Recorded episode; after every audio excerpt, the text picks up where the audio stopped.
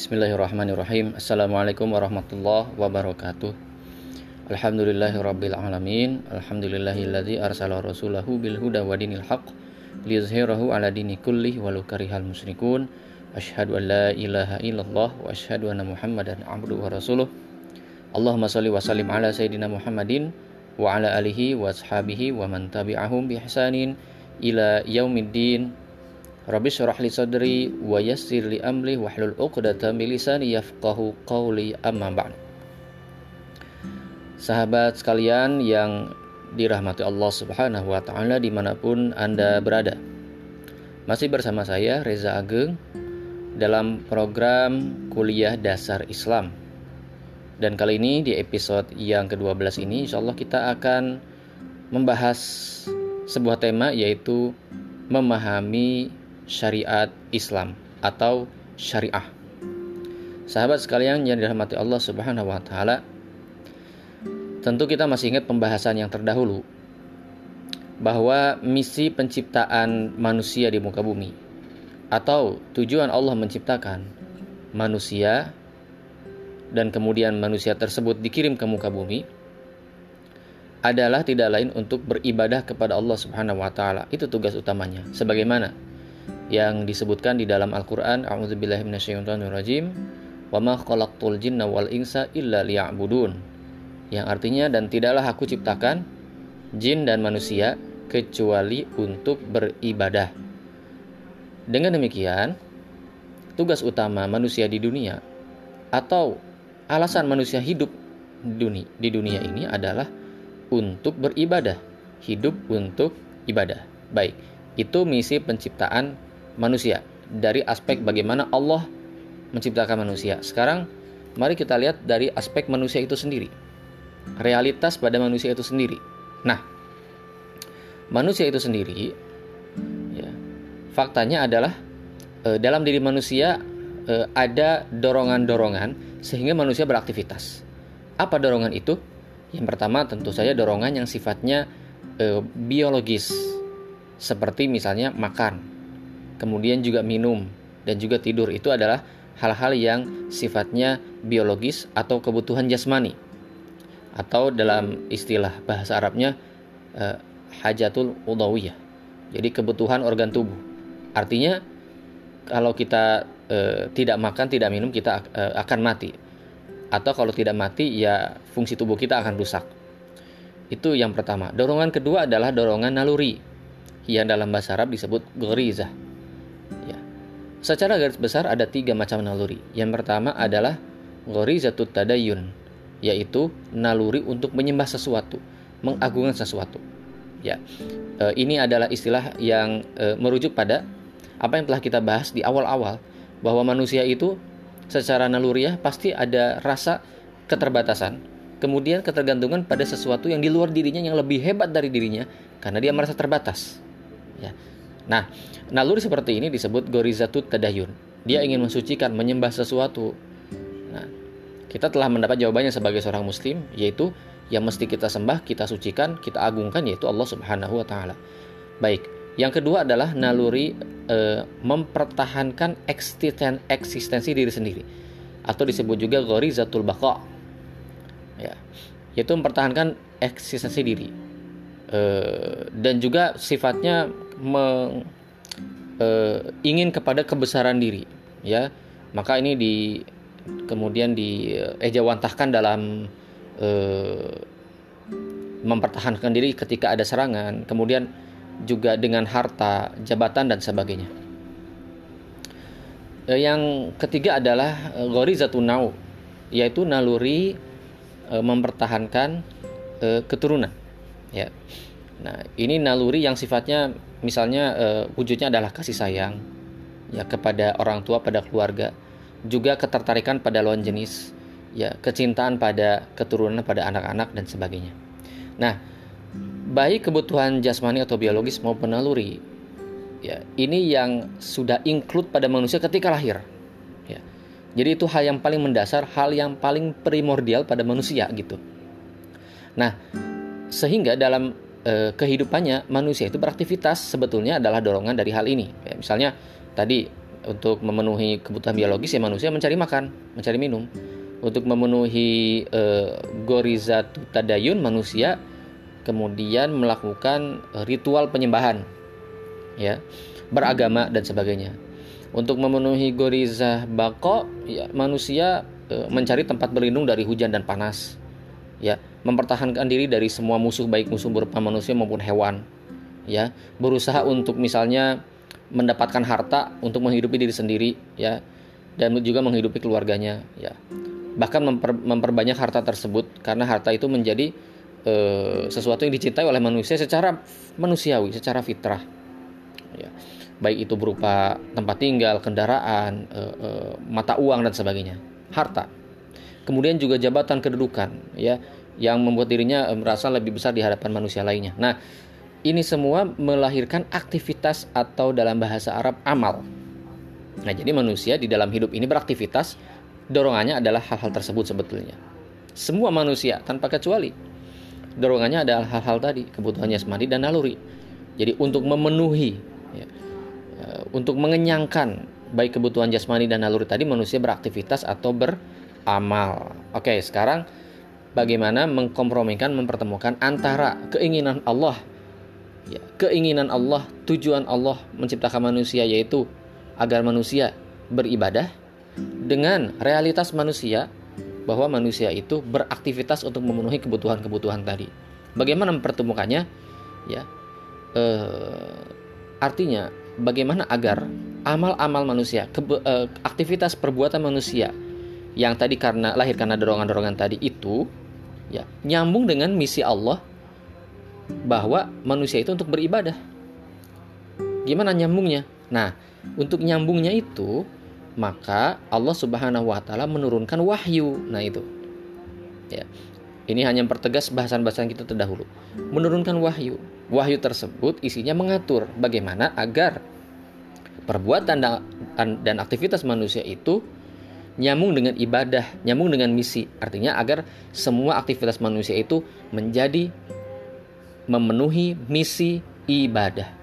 Semua amal perbuatan manusia memenuhi misi pengabdian kepada Allah. Nah, itulah fungsi wahyu dalam kehidupan. Ya, eh, amal-amal kita, ya, kalau tidak ada wahyu, maka perbuatan kita ini tidak ada arahnya, hanya sekedar ya memenuhi eh, memenuhi naluri dan kebutuhan saja. Dan ketika itu terjadi, bukankah akhirnya akan ada konsekuensinya misalnya berupa konflik dengan manusia lainnya? Ya. atau gorizah bako mengalahkan gorizah tadayun dan ini menyebabkan ketidakseimbangan dalam hidup. Ya, misalnya fokus mencari harta lupa beribadah. Akhirnya dia merasa kekeringan spiritual. Ya. Atau fokus mencari harta sambil me menyikut e, manusia lain orang lain walaupun orang itu adalah keluarga sendiri misalnya. Maka gorizah nawunya pun tertindas oleh hal tersebut dan sebagainya sebagainya. Maka harus ada satu aturan di mana aturan ini bukan dari manusia tapi dari sang pencipta dari al khaliq agar kehidupan manusia itu berjalan harmonis dan sesuai dengan misi ibadah. Itulah fungsi wahyu. Nah wahyu tersebut eh, kemudian teraplikasikan eh, terejawantahkan dalam sumber utama pemikiran Islam yang sudah kita bahas yaitu Al-Quran dan As-Sunnah nah itu dia sekarang dari Al-Quran dan As-Sunnah kemudian digali, maka lahirlah aturan-aturan yang disebut dengan syariat. Syariat itu sendiri maknanya adalah khitabu syari'. Apa khitabu syari' itu? Seruan dari pembuat syariat. Pembuat syariat adalah Allah dan Rasulullah Shallallahu Alaihi Wasallam. Khitabu syari' yang berkaitan dengan perbuatan. Ini ruang lingkup syariat. Jadi hal-hal yang berkaitan dengan seruan keimanan, yaitu e, adalah kategori lain, kategori e, akidah. Sedangkan syariah adalah yang berkaitan dengan perbuatan, sehingga pemikiran e, Islam e, secara garis besar terdiri atas dua hal tadi, yaitu akidah dan syariah. Akidah adalah hal-hal yang berkaitan dengan keimanan, sementara syariah adalah hal-hal yang berkaitan dengan aturan-aturan yang menyangkut perbuatan manusia. Yang digali dari sumber hukum utama yaitu Al-Quran dan As-Sunnah.